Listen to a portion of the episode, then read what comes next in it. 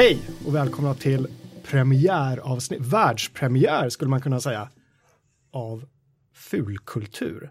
Den sedelärande och folkbildande podden från Geeks Publishing. Hur känns det? Jag har funderat länge på hur vi ska presentera det här programmet. Kändes det bra? Kändes eh, inövat och proffsigt tycker jag. Ja, verkligen. Ja. Jag heter Joakim Minett, jag är redaktör på FZ. Och med mig har jag Kalle Johansson Sundelius som också är redaktör på FZ. Och Jakob Nilsson som är redaktör på 99 Mac. Jajamensan. Varför eh, heter podden Fulkultur? Ja, men kultur enligt Svenska Akademin, det är ju då förhållandet att vårda sig om sin andliga och fy- fysiska beskaffenhet. Det är väldigt högtravande. Bildning, förfining i sätt att tänka, känna, vilja, uppträda i förhållande till andra. Finkultur, det hade inte Svenska Akademin, eh, Akademin någonting att säga om, men Wiki säger att finkultur en vanligen värderande benämning för kulturella uttryck som anses göra anspråk på att vara mer bildande eller värdefullare än andra kulturella uttryck. Och det vi ska diskutera det är ju det är de andra kulturella uttrycken. Det är lite så vi har tänkt. Det kommer rymmas jättemycket eh, inom det här paraplyet fulkultur. Så eh, välkomna ska ni vara. Vi kommer ha ett tema idag och det temat är eh, postapokalyps. Vad säger det för någonting? Vad ligger i det ordet? Framförallt är det väldigt svårt att uttala för mig som pratar väldigt otydligt ofta. Postapokalyps. Ja, jag, jag, jag, jag tror inte ens jag kommer försöka under det här avsnittet. Men det känns väl som att det kommer lite trender och går. Alltså zombieapokalypsen har ju verkligen fått en comeback sen Romeros gamla slafsfilmer. Det har ju aktualiserats här i, i veckan i och med släppet av Fallout 4. Det var väl lite det som satte temat för den här premiärsändningen och då tänkte vi att det finns ju hur mycket som helst att prata om. Det finns ju en, en, en veritabel gryta, en kokande gryta av stoff att prata om. Mm. Hörrni, vad, vi vi öppnar med att bara slänga ut frågan, vilka är liksom den, de bästa skildringarna av världen efter undergången? Ja, då tar jag min personliga favorit Ja. direkt och det är The Road. Och som det, knyter jag din Kalle? Ja, det förlåt. Men jag tar boken, för jag tycker att boken av Cormac McCarthy är helt fantastisk. Filmen är också fantastisk, men boken är nog liksom det eh, bästa jag läst, tror jag. filmen med, med Viggo Mortensen. Den har jag sett, jag har inte läst boken. Nej, det, men ja. det, alla säger att den är bland det Ja. bästa som har gjorts. Det, det är den. När skrevs den? Oj, jag vet inte. Jag vill säga 80-90-tal kanske. Ja, men det känns väl ganska ny- det är inte riktigt av de gamla. Det var ju den skolan. första han gjorde, sen skrev han ju den här No Country for Old Men. Det är inte en postapokalyps, men, eh, men det var nog hans första. Så jag skulle, ja men början av 2000-talet kanske. Det känns, det jag- känns, ja. Ja, jag skulle ju bara hålla med om att det är ju en, ja, jag såg ju filmen först Ja. och den är ju vidrig på många sätt och vis. Mm. Men sen plockade jag med han boken också, den är ju, jag hade precis blivit pappa. Ja. Oj. Eh, Ja, och, och den handlar ju väldigt mycket om den här relationen mellan liksom far och son i den här hemska världen. Och om det händer hemska saker i filmen så är det ju alltså, sju resor värre i Ja. boken. Det är ju, åh, nej, det finns scener i den här boken som man eh, aldrig kommer glömma faktiskt. Men det är många scener alltså som de har plockat bort från, från, eh, från filmen. Ja. Som inte har med alls. Som är värre. Ja, absolut. Det säger ju en hel del. Ja, men Ja. Den, den hamnar ju också hem det här liksom, återkommande temat om att efter apokalypsen så det är människor som är det riktiga problemet, andra människor. Mm. Vilket, Är inte det egentligen de, de, de värsta skildringarna? Eh, Jag tar, tar The Walking Dead som är ett ganska uppenbart exempel. Hela titeln där syftar ju på att det är människorna som är The Walking Dead och det är människorna som är det farligaste hotet medan zombierna blir som någon sorts statister. Är det därför The Road är så bra? Just för att det bara är det mänskliga hotet. Det är Ja. vi själva som är jag tycker det. Det är nog det som tilltalar mig i den, den här liksom förtvivlan, stämningen som är Mm. allmänt. Åtminstone Jag filmen, jag, jag känner ju också att, att, liksom, så att säga, miljön är ett väldigt tryckande hot i den hela Mm. tiden. Att det här, onäm- det är, man vet ju åtminstone i filmen som, som jag bara sett den som sagt, så vet man ju inte riktigt vad det är som har hänt. Men det är bara, det är liksom stormar Mm. och det är aska överallt och det är liksom miljön som är. Ja, men just det här liksom när, när vattnet börjar ta slut, man tvingas dricka ur en pöl som är liksom mer gegga än, äh, än vatten. Ja, han, han målar upp väldigt, en otroligt dyster värld. Och sen tycker jag också just det här att man inte riktigt vet vad katastrofen har varit eller vad det beror på gör också att man, man faller inte i den här eh, tankesättet att man, de ska försöka hitta en lösning på det. Utan precis som huvudkaraktärerna så bara är vi där och man har, det finns inget hopp egentligen. Utan det handlar bara om att, vad är det de ska göra? De ska ta sig till havet. Ja, de ska Men komma vem söderut vet för att om det finns någonting bra där och liksom, ja, det är en det, det är inte en munter berättelse. Men varför återkommer vi då hela tiden till de här icke-muntra berättelserna? Varför, varför liksom kan vi inte sluta fängslas av den här död och förintelse? Vad är det som, vad är det som kitt, är det kittlande eller är det varför? Ja, det har väl lite att göra med att alltså, vi har ju väldigt bra ställt idag. Alltså, vi, behöver, vi, vi, vi, vi kan ju titta på underhållstävling som handlar om hur, hur illa man åt förr i tiden och tycka att "Ja, det här var ju lite trevligt att se att de åt barkbröd. Liksom. Det, är, ju bara, det är ju en ganska hemsk grej. Det är ett välfärdssymptom Ja, att ja, gillar jag skulle- postapokalyps. Ja, Vi har ingenting annat att oroa sig för. Så, oroa sig för. Ryssen, ja lite ryssen då kanske. Men inte lika mycket som på, på 60, 70, 80-talet. nej. Jag, jag har läst någonstans, eh, jag kommer inte ihåg var någonstans, men, men just det här fenomenet när man går över en bro och så tänker man liksom vad skulle hända om jag hoppade. Mm. Att den processen i hjärnan är någon sorts sätt att liksom förhålla sig till verkligheten och kolla så att man är, är normal. att det skulle kunna vara någon liknande mekanism kanske, att vi, det är vårt sätt att förhålla oss till oron över vår egen undergång på något sätt. Gud bra. Jag tycker verkligen känns som det börjar bli sedelärande det här programmet. Ja. Mer än att vi sitter och rabblar upp titlar. Det är ju fantastiskt tycker jag. Vilken inledning. Mm. Hörrni, vill man läsa en skildring som jag tycker ligger ganska nära The Road, den är kanske lite muntrare, lite fler överlevare, eh, är eh, Lucifer's Hammer av eh, Larry Niven och Jerry Purnell, en bok som kom redan 77 som handlar om att en, komet är på väg till jorden och ja, den slår ju ner såklart. Vilket ju drar igång eh, tsunamis, eh, klimatet förändras, eh, kineserna av någon anledning blir hysteriska och atombombar ryssarna som svarar också med sina egna atombomber. Eh, så det hjälper ju till på traven att det blir någon sorts atomvinter. Eh, och det här handlar om ett gäng olika människor runt omkring Los Angeles tror jag som ska, som ska överleva det här. Och, jättebra skildring om hur så att säga, de, alla, alla sociala klasser sätts ur spel. Och det enda som räknas efter katastrofen är, är liksom vilka användbara kunskaper där du har. Mm. Spelar ingen roll om du, om du var arbetare eller, eller em, president innan. Kan du ingenting så blir det hard labor för dig, liksom, om, om du ska överleva. Eller om du ska vara med. Därför blir man ju lite orolig när man själv sitter vid en dator åtta timmar om dagen och kanske gör det några timmar på kvällen också. Att, hur stor chans ska man ha att överleva en sån här grej? Man vet ju knappt hur man spikar ihop en stol. Liksom. Så- Som de flesta människor idag som sitter på kontor känns det som. Hur, hur, hur skulle det gå? Men, men vi, vi kan, ska vi återkomma till det lite senare om hur, hur vi tror att vi faktiskt skulle, Ja, skulle klara en sån här grej. Ehm, jag skulle vilja ta upp, slå ett slag också för uh, gamla Stephen King-boken Pestens tid, Ja, The. Stand, Mm. som fortfarande tycker jag håller, även om den har många ganska fantastiska element, som håller som, som en sorts efter katastrofen skildring. Och även den tv-serien som kom, minns ni den? Såg ni Ja, den? jag såg den. Jag såg den när Jag jag var faktiskt, liten. jag har faktiskt inte läst boken, men bara sett tv-serien.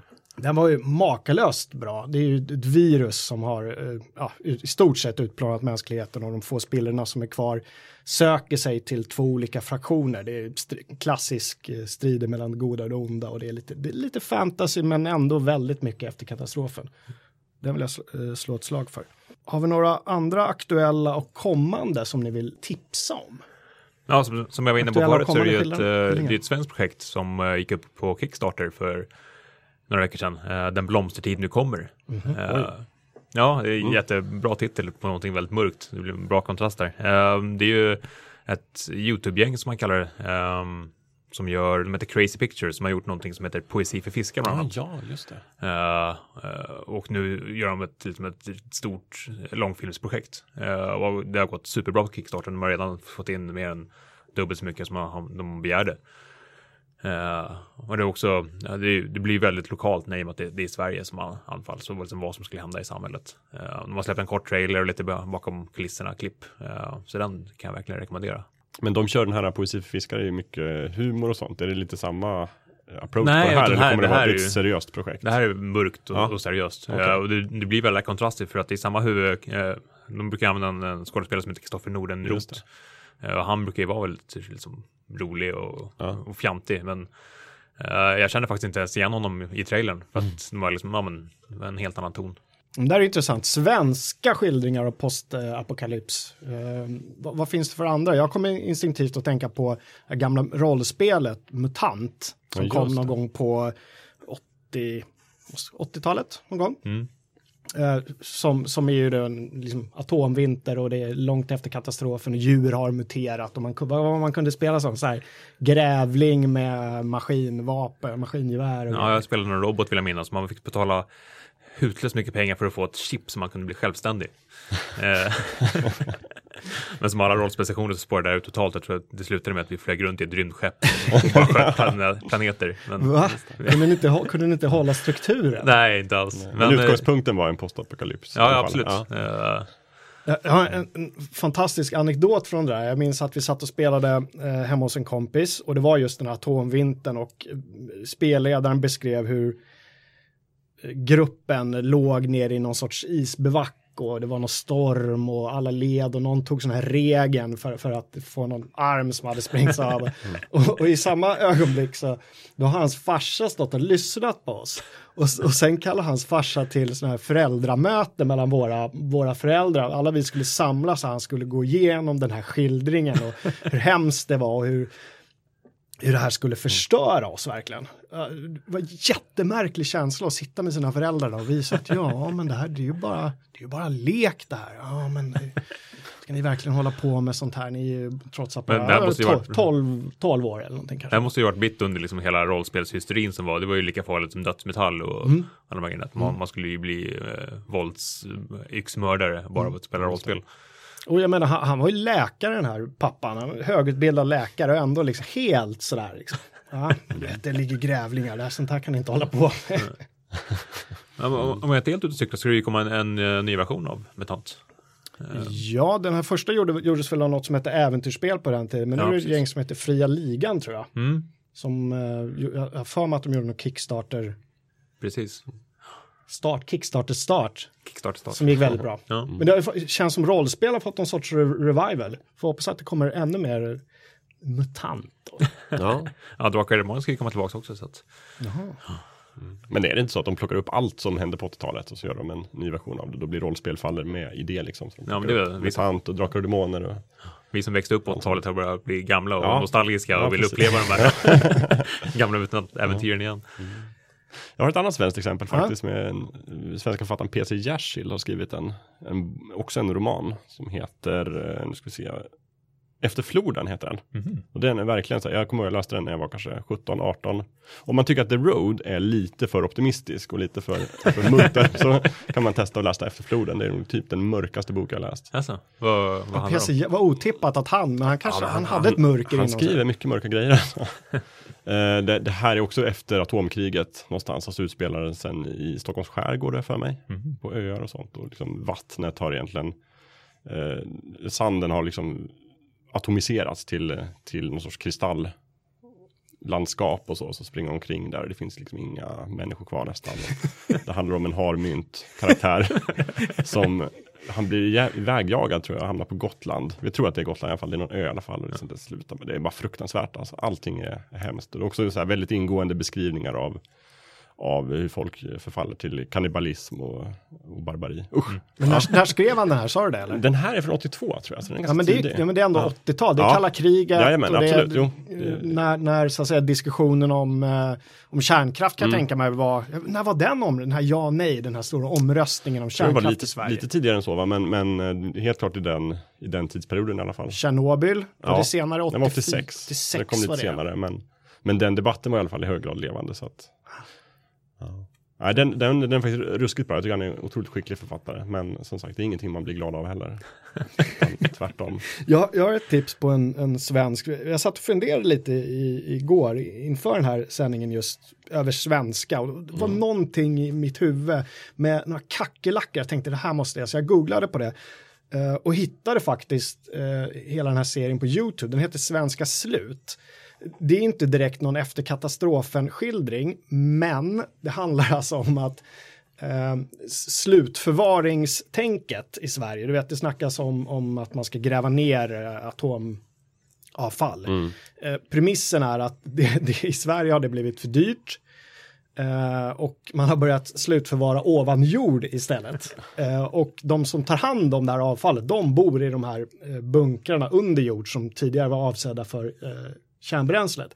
Och så får man följa de här människorna då och det, jag kan tänka mig att det är jag minns inte riktigt, men det var folk utifrån som fick komma in där. Jag kan tänka mig att det var fängelse, eh, klienter och andra som fick komma och hjälpa till. Får man följa dem där. Det fanns kackerlackor som snackar amerikanska eh, som springer runt uppe. Det var det enda fa riktigt fantastiska inslaget. Det var just de här kackerlackorna jag minns. Men jättebra spelat, otroligt mörk och hemsk och, och uh.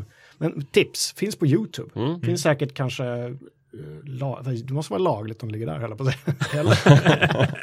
Annars finns det kanske i arkivet på SVT, om det var en SVT-produktion. Det var, måste varit en SVT-produktion. Kommer ihåg om jag skrev när den var ifrån? Nej, det har jag inte gjort faktiskt. Uh, Men Svenska slut, också en ganska bra titel. Mm. Svenska slutförvar, väldigt sådär statligt allting. Och, mm. Hett tips. Nej, sen är det ett annat projekt som, som kanske inte blir så gravallvarligt, men det sägs att kommande Zorro-filmen, Zorro Reborn, What? ska utspela sig i en, i en postapokalyptisk framtid. Nämen, Han också ska vara någon form av hjälte bland, bland folket. Eh, det, det, ja, det har varit ett projekt som har tydligen hållit på i 15 år. och De har ju inte riktigt kunnat hitta de som, någon som vill göra det, men nu är det tydligen klart att det ska börja spelas in nästa år. Eh, Men eh, kan man tänka sig att det blir lite mer cyberpunk Zorro då eller? ja, det måste ju nästan bli det. Ja. Kanske en laserpiska. Ja, just det, precis. Cyberpunk Zorro. Uh, hörni, Judge Dredd står ju här på bordet. Jag, jag tänkte inte på det faktiskt. Vi brukar ha med honom som en maskot när vi spelar in fredagspaneler på FZ. Men nu kommer jag ju på att Judge Dredd är ju också en, en eh, otroligt häftig postapokalypsskildring. Ja. En värld eh, ödelagd av eh, atomkrig, men där stora megastäder har vuxit upp på både amerikanska öst och västkusten och så finns det ju eh, Sovjet megacity, vad någon som vet vad den heter? Har du läst inte- jag, ja, jag har läst ganska mycket Judge. Jag kommer inte ihåg vad, vad Ja, men det är någon staden heter. megacity East eller någonting och, och så blir det krig och det är ja, fantastiska skit. Judge Dredd är ju då, alltså det, det är ett samhälle där inga brott eh, tolereras eh, och, och poliserna är då eh, poliser, domare och bödlar i ett. Det låter ju hemskt men det är ju extremt humoristisk skildring. Den har hållit på gått hur länge som helst den här serien. Även blivit filmer va? Ja, jag tycker om man vill ha en sån här snabb introduktion så kan man kolla på den senaste filmen som är kanske från 2010 någonting. Där han- Carl Urban spelar, och den heter bara Dread kort och gott. Just det. Carl Urban från Sagan om ringen, eller hur? Var inte han, Var eh, spelade inte han någon sån här eh, häst, eh, hästman där? Jo, men det gjorde han. Iomer eller någon sån här. Ja, just det. Mm. Carl Urban. Ja, han har väldigt tydlig haka så att han passar ju bra som Dread. Gjorde inte Stallone en Dread-film Jo, också? precis. Sen finns den, den gamla Dread-filmen som är, den heter nog Judge Dread faktiskt. Då är ju, Max von Sydow spelar ju skurk som vanligt. Just det. Och eh, Stallone är eh, Judge själv. Fick väl extremt mycket kritik för att Stallone tar av sig hjälmen i filmen, Ja, vilket är helt precis, Man har ju aldrig sett Judge Dredds, Nej. eh, eller heter han Joe Dredd eller Jim Dredd? Minns du det?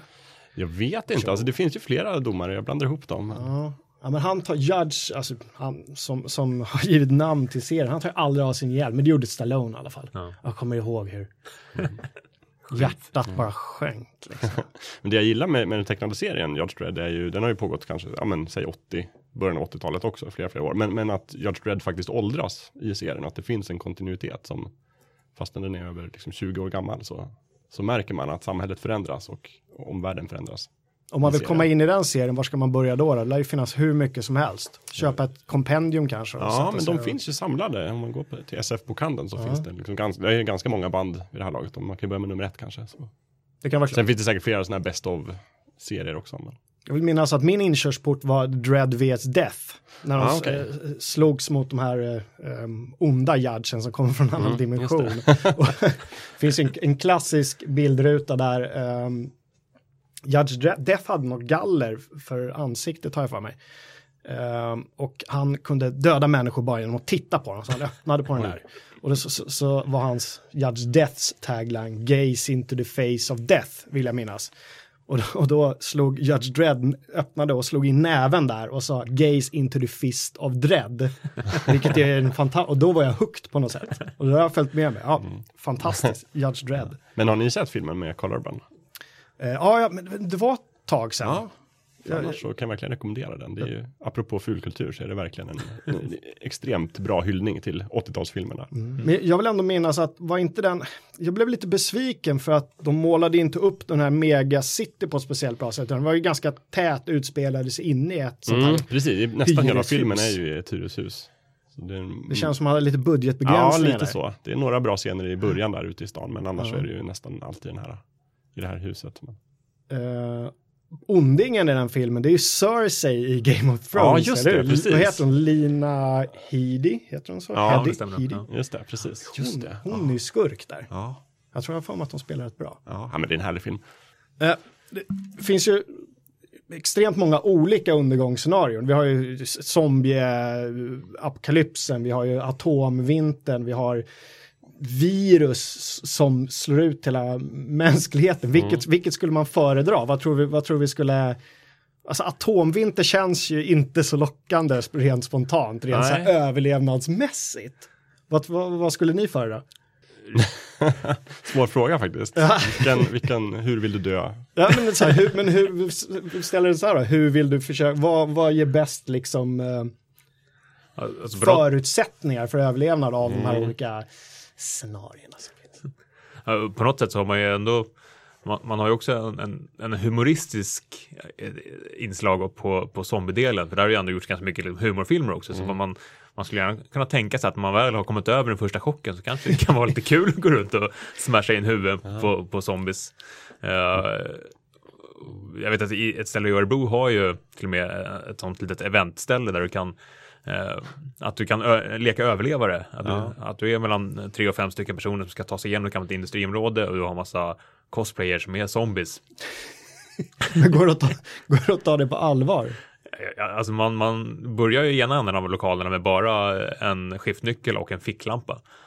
Och det är allting är nästan helt i princip nedsläckt. Jag tror att man blir ganska uppspelt ändå. Alltså, alltså de, de skriver uttryckligen på sin sajt att tänk på att eh, våra statister inte ska bli skadade så att man inte går fram och nitar en kille med skiftnyckeln. Men som de här spökena på, i spökhuset på Gröna Lund som de var tvungna att sätta in säkerhetsvakter för att de fick stryk när de var på skammen. Det är lite det. Ja, men lite så. Mm. Alltså, Högriskyrka. Ja, så jag tror ändå att alltså, zombie, det känns lite mer hanterbart än att allting skulle vara radioaktivt eh, och, och virus. Alltså det är, det är svårare att skydda sig mot än att liksom, se upp för de levande döda. Ja, jag håller med. Det är ju ofta i de här, om det är efter atomkriget eller om det är efter asteroider och sånt, så är det oftast en värld där hela naturen är liksom emot den och där Mm. vattnet är giftigt och ingenting växer och sånt. Det känns jo- någon, lite jobbigare än att det bara är farligt med zombier. Det Sen, sen beror det lite på hur zombierna uppstod också. I vissa är det ju en förbannelse där Mm. liksom folk förvandlas till zombier och i andra så är det virus och, och svampar och sånt. För mig är det helt okej om, om det är så att säga, ett virus så att dör man blir man en zombie på något Ja. sätt. De- Det, det, det kan man köpa och det känns som att just vi nördar som har verkligen slukat den här zombiekulturen från barnsben borde kunna hantera det här rätt bra. Sällan har liksom generationerna varit så förberedda som Ja, nu. men precis, det. Ja. om det blir en liksom det här. Ja. Alltså det, det finns ju jag har ju landställe sedan några år tillbaka och alltså, jag är ju lite nöjd över att jag numera har ett litet, en liten redskapsbod där det finns en yxa, det finns en motorsåg, liksom jag, har, jag har lite förutsättningar för att ändå... Du har en handlingsplan redo. Ja, absolut. Ja. Jag, jag har ingen sån här, vad heter det? Det är ingen prepper. Nej, jag är ingen Nej. prepper, men ja, det, det känns tryggt att, ha, att ha de här sakerna. Du har- Det är inte så att du har liksom, säga, tankar på att bygga ditt eget skyddsrum och där bunkra konserver som du byter ut var femte år eller vad det är. liksom, Nej, så att långt har det inte gått. Överleva. Nej. Jag, jag, jag går av lite på den tanken, att, att preppa så intensivt att det är hela det här att bygga både före och efter en katastrof som lockar mig lite grann. Mm. Alltså det här med hur bygger man upp ett samhälle efter något, mm, liksom the shit goes down. Mm. Men, men eh, annars, jag är också överens, zombieapokalypsen, det, he- hellre den än, än atomvintern faktiskt. Det känns mer. men då är också frågan, vill vi ha de snabba eller de långsamma zombierna? Långsam om Eller, välja, alltså. Där är ju två olika skolor. Jag vet inte om det var den här filmen 28 dagar senare som satte igång hela den här zombier som springer. Nu var ju det infekter då, men det är sak samma. Zombier som springer Ja. vågen. Ja, man vill inte hamna i den här situationen med, nu är ju den filmen ganska usel, den med, vad heter den med Brad Pitt? Där de är jättesnabba och... DayZ, heter den så? Nej, nej det är spelet. DayZ, World War Z. World, World War Z, för att- World War Z. Ja, även när de liksom är så snabba och många så att man kan liksom eh, lägga sig på hög för att komma över murar och sånt. Blir det lite jobbigt hela den här överlevnadsgrejen. Då kanske man inte skulle klara sig så länge. Nej. Hellre Romeros, de, de shuffling zombies då. då. Mm. Vilket är helt eh, fruktansvärt egentligen i The Walking Dead, tv-serien som jag antar att ni eh, följer. Ja. Hur otroligt många gånger de råkar ut för de här långsamma liksom och går runt i skogen och tittar Mm. sig omkring, nej ingenting. Men helt plötsligt, så, som liksom ut ur tomma intet, så Mm. kommer tio stycken. Hur kan man inte höra dem på håll? Ja, den serien har ju ett par logiska luckor. Men alla människor är så upptagna med sitt eget drama i den serien så att de hör liksom inte att zombierna kommer. Men hörni, om vi utgår från premissen då att, att samhället har så att säga gått åt fankens. Vi kan säga att det är en eh, zombieapokalyps. Vi kan säga att det är ett, kanske ett virus som har slagit ut, men vi, vi, vi har överlevt. Hur, hur, skulle vi, hur skulle vi klara oss då? Om det händer någonting nu, vad skulle ni, om ni, ni fick ta med er någonting, om ni skulle vilja kunna förbereda något, vad skulle ni göra då? Kan vi, inte, kan vi inte bolla det? Jag känner att mina, liksom, mina prepper-tarmar börjar klia lite. Får man ta med sig en sak då? Eller Nej, jag, jag tycker att man kan få ta med sig en handfull lite allt grejer? möjligt, men ja. det måste vara inom liksom rimlighetens gräns. Mm. Du skulle idag kunna gå och fixa det här om, om du kände att Ja, nu det börjar hända någonting. ja, en svår fråga. Jag vet, jag, jag kan öppna lite med att runt Forsmark eh, där så delar ju Länsstyrelsen ut jodtabletter till alla hus, hushåll inom någonting de, kall, de kallar för den inre beredskapszonen var femte år. Det är lite obehagligt. Så att fan, om det här sprängs, här har ni jodtabletter. Liksom. Kanske enda stället i Sverige där bostadsbubblan eller bostadsmarknaden liksom, inte stiger kraftigt. Då. då. Ja, ja precis. Annars så känns ju eh, eld är ju rätt bra va? Mm. Något som Elddon, tändstickor kanske är dumt, det kan bli blött. Mm. Men om vi börjar så här då, vart skulle man ta sig? Skulle man stanna kvar i sin lägenhet i Stockholm om man bor där? Vara kvar i villan, vad är bäst? Alltså bege sig ut på vägarna, det brukar ju vara ett liksom, döds... Eh, vad ska man säga? Döds, dödsstöten för att det blir köer och folk sitter där och så blir de uppätna av, av horder av zombies. så det kanske är det att man ska ha eh, ett skafferi fullt av konserver och bara stänga in sig och hoppas på det bästa. Rida ut den värsta stormen. Ja. Men, men samtidigt är man i stan, blir man, är man inte rökt då efter ett litet tag? När du väl, måste ge dig ut för att liksom scavenge for food Mm. eller förnödenheter. Är det inte stan där de hemskaste grejerna kommer hända? Det bor ju flest människor i stan Ja. så att det, blir väl konkurrens kanske. Eller vill man det här klassiska mänskliga beteendet att vilja söka upp andra människor? Kommer det ta över så att man försöker hitta så här, någon sorts community? Ja, men så har man ju som sagt, de har ju läst The Road och de här böckerna. Att folk är ju ganska vidriga när det väl börjar krisa. Alltså, det märker man ju bara. det blir stopp i tunnelbanan och folk står på centralen. Det blir nästan upploppsstämning.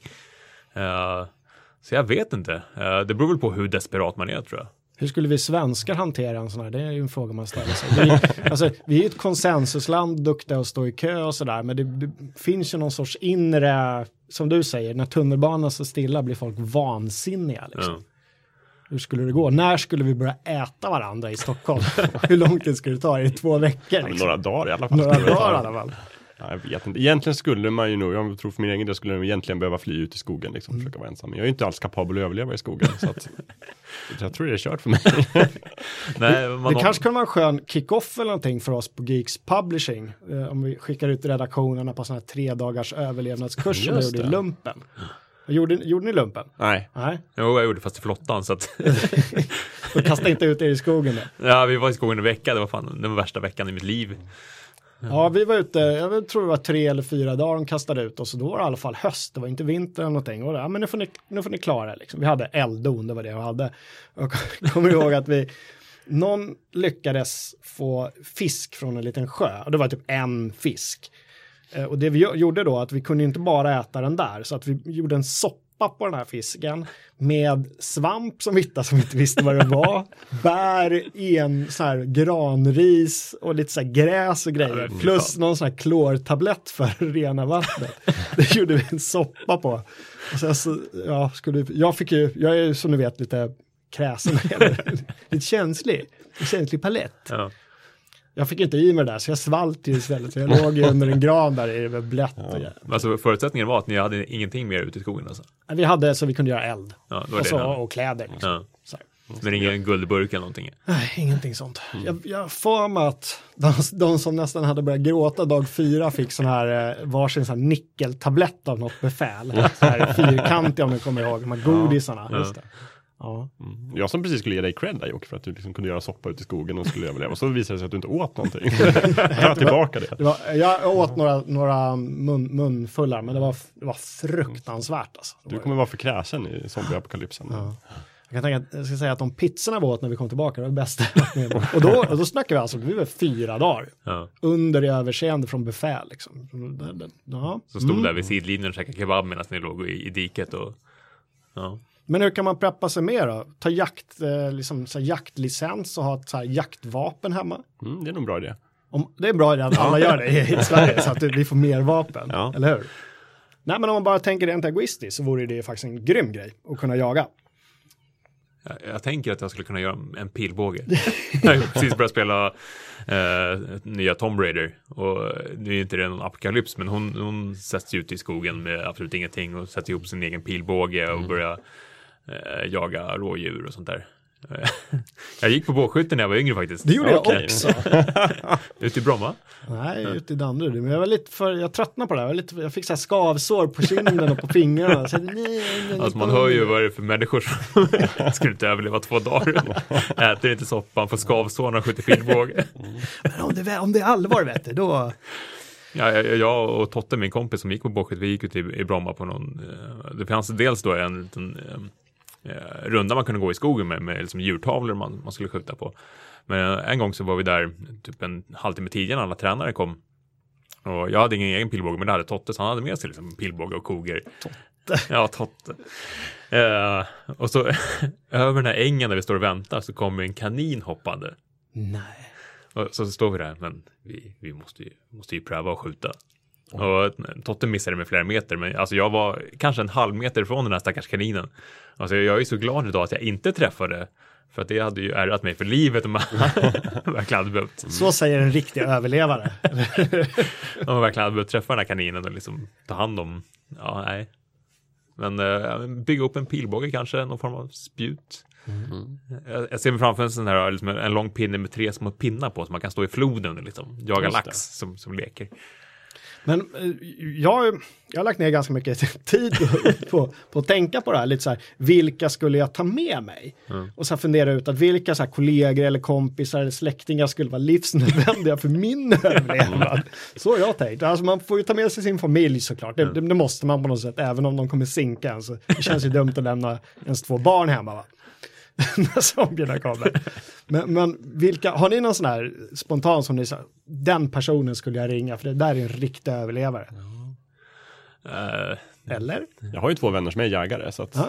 de eh, står ju högt på listan. Det är bra start. Ja, så nu är frågan vad jag kan bidra med men, men jag hoppas att de tar med mig av, av sociala skäl i alla fall. Så. Ja, men så här, folk med landställen också Ja. kan ju vara bra. Att man vill ju gärna ta sig ut där det är lite ensligt.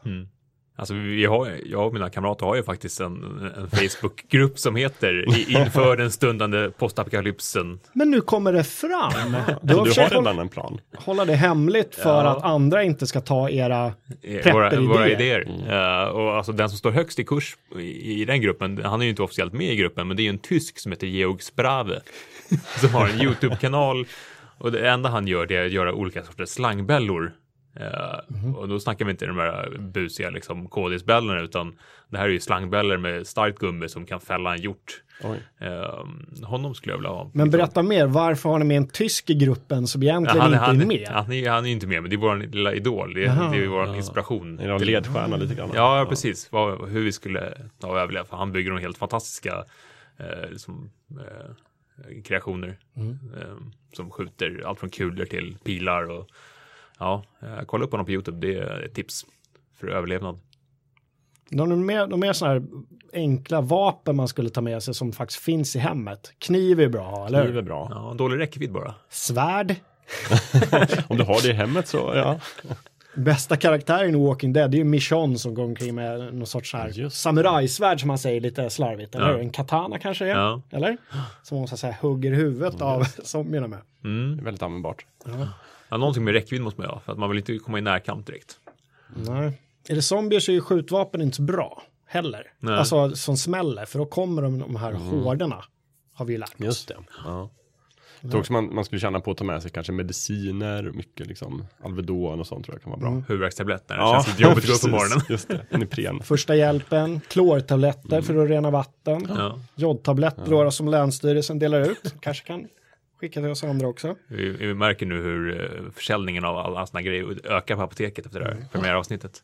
Men jag får med att Länsstyrelsen de rekommenderar ju alla att ha mat och vatten och första hjälpen och sånt hemma så att man ska klara sig själv i så här, upp till tre dygn om allting bara Ja.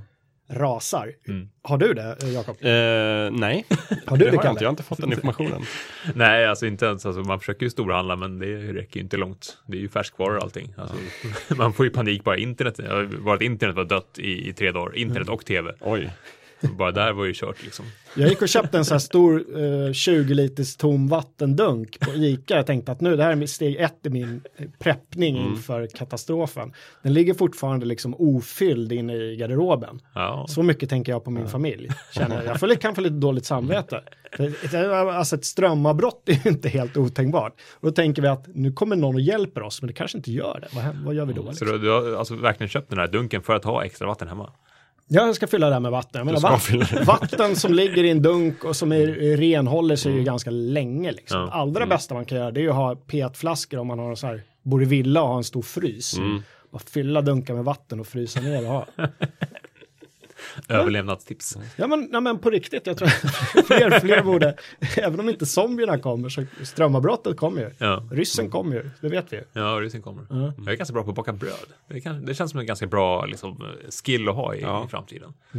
Men så här, primuskök också är en bra Just grej. det. Med lite så här, vad heter det? Inte tändvätska, vet vad är det man har i det? T-röd? ja det det är det. Precis. Jag går väl med vanligt bensin också om du skulle kissa säkert.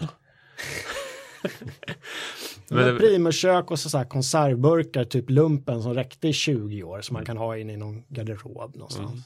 Men alltså det, det är där man går igång lite. Jag och en kompis har fått oss att vi ska upp på Kebnekaise nästa, nästa sommar.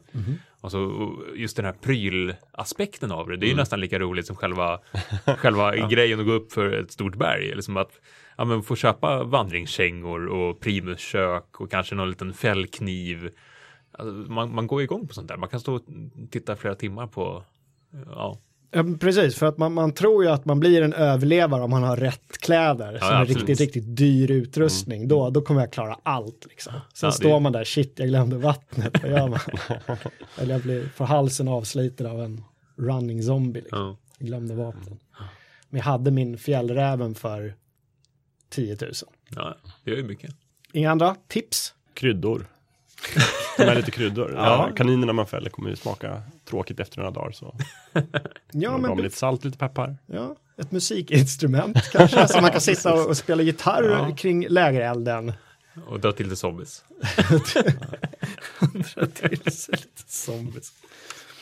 Vi har pratat mycket om det som vi har sett i film och och läst i bokform. Har ni några liksom, önskescenarion? Vad skulle ni vilja se? Några filmer eller böcker som inte har gjorts i, i den här fantastiska genren? Jakob? Eh, om jag får önska mig precis vad jag Ja. vill så skulle jag vilja se en riktigt bra speltolkning av en eh, animefilm som heter Nausicaa of the Valley of the Wind. Som är eh, Miyazakis första långfilm. Studio Ghibli. Riktigt bra, om ni inte har sett den så är det en fantastisk postapokalyps, steampunk, animea, tuff film. Okej. För, för honom, de för, honom säger jag, de, man, om man ska generalisera lite grann, alltså det, finns, det är otroligt brett såklart, men postapokalyps är inte det första som comes to mind. Nej, Berätta lite mer om Nautica. Oj, ja. Eh, den är, det- var ju, alltså det, det var den första långfilmen han liksom regisserade den här Miyazaki och sen så efter det då, det var en stor framgång, så det var då han grundade Studio Ghibli som gjorde de här andra filmerna med Spirited Away och Totoro och de här. Men den är ganska mörk, den är, utspelar sig i någon sorts eh, efter katastrofen värld där det finns en dal där de har någon sorts eh, medeltids, eh, fast med high tech samhälle. Och sen runt omkring så är det bara liksom naturen har tagit över och det finns giftiga svampar och det finns eh, farliga djur och en väldigt, väldigt cool tolkning av världen. Men du skulle vilja se ett spel av det alltså? Jag skulle vilja se en spel av det. Eh, någonting, eh, för det han har gjort, det är också en, en manga och en seriebok som han har hållit på med i flera, flera år. Tänker du något sorts open world-spel? Eller Jag är, det inte så förtjust, action? jag är inte så förtjust i open world-spel Nej. personligen. Jag skulle vilja se något väldigt liksom, bra storydrivet, eh, gärna episodiskt spel Lite det. Telltale. Ja, lite så, där. precis. För de gjorde ju något, den här studion, något spel som heter Nino Kuni eller någonting sånt där. Mm. Med det. level 5 som jag har hört ska vara ganska dåligt. Jag har inte provat det. Men det var väldigt snyggt. Mm. Så att jag skulle vilja se lite samma stil där fast med, på, baserat på Det Nausicaa. blir inte för gulligt då? Det är inte svårt att ta Nej, på allvar? den, är Nej. inte, den är inte så gullig den där serien. Nej, så. okej. det, det är lite också, men, men eh, framförallt är den väldigt hemsk. Men alltså om ni inte har sett den så eh, hyr och titta. Ja, bra tips. Ja. Finns det på Netflix kanske? Kan det göra. Kanske. Ja. Någonting som man kan sitta med sambon och barn? Nej. ja, Eller? den är inte jätte, jättebarnvänlig. Med sambon i alla fall. Kallar du något nå önske... Alltså det som oftast är ju intressant och det som jag tyvärr tycker att Walking Dead misslyckas väldigt gravt med det är just de här äh, ja, inre konflikterna som, som uppstår i, äh, i, en- i en sönderbombad framtid. Så jag, jag skulle vilja se någon som är väldigt duktig på just det här med, med liksom in, intriger och dialoger och konflikter mellan människor och göra eh, en film. Det hade ju varit intressant eh, att ha Lars von Trier eller Ingmar Bergman och liksom någon av de här liksom, riktigt tunga människorna och liksom tolka det här konceptet. Ingmar Bergman blir svårt. Ja, om, om han inte kommer tillbaks. Han kan ju agera i en zombie. Ja, ja precis. Ja, men det, det skulle vara intressant. Ehm, och, och sen gillar jag det som Fear of the Walking Dead gjorde, att man fick se liksom, vad som hände när allting bröt ut. Liksom innan, innan man förstod att allting hade gått åt helvete och liksom att samhället redan kollapsat. Att man, att man fick följa med i den här förvirringen som måste uppstå när folk börjar komma tillbaks i livet och slita varandra i stycken. Men hur, men hur tycker du att de gör det då? värdelöst. Alltså det höll kanske ett eller två avsnitt men sen kom man ju tillbaks precis samma problem som eh, grundserien har. Att, alltså, att intrigerna och dialogerna är så otroligt dåligt skrivna. Ja men... Ja, jag, Framförallt så är väl huvudpersonerna extremt intetsägande, vilket jag kanske inte tycker att de var i The Walking Dead, åtminstone inledningsvis. Nej, eh, men, men just det att alltså, jag, jag jämförde faktiskt med, med Fargo häromdagen. Att i, i Walking Dead-serierna så så tar de dumma beslut för att det är dåligt skrivet. I, i Fargo tar de dumma beslut, men det funkar för att det är korkade människor eh, som tar ganska mänskliga beslut. Där funkar det, men i Walking Dead så är det bara, men öppna inte den här dörren för det kommer ju stå en zo- zombie bakom. Eh, så att, ja, ja, men det, förstör ju hela känslan och som jag sa förut, jag brukar kolla på ungefär vartannat avsnitt av Walking Dead för att då, då slipper man liksom det mesta fluffet som de packar in allting i. Just det. Så att det hade varit intressant att se mer av liksom, själva utbrottet och hur samhället agerar. Jag är också inne på, på spelspåret i min, mitt önskescenario. Det är ju just eh, en ny Judge Dredd-tolkning när man tar hela det här open, open world-konceptet och gör till en megacity där, man, där det står eh, spelaren fritt att, att utforska och uppleva allt där. Hur, hur det skulle gå in i konceptet, eh, jag menar, det kan bli rätt våldsamt i sådana spel. Jag vet inte riktigt hur det skulle funka en, Men du kan väl göra liksom Grand Theft Auto-spel fast i dread-miljö med motorcykel och ja, hela man kanske hela modda GTA Ja, 5 till precis. megacity. Börja där. Nej, men det, som vore, West. det, det som vore intressant i en sån grej, det vore ju just den här moraliska aspekten om man ska skjuta dem på fläcken eller döma dem eller Ja, du tänker att man ska vara i- en judge själv då så att säga. ja, men lite så att man, man tar in as- aspekterna för lite tyngre rollspel att alltså, det, det man gör får konsekvenser. Mm. Eh, det är ju det som är intressant. Sen gillar jag ju också uh, Mad Max-spel som släpptes, släpptes här för några månader sedan. Det var ju en, en, en ganska mörk värld också. Höll det rakt igenom.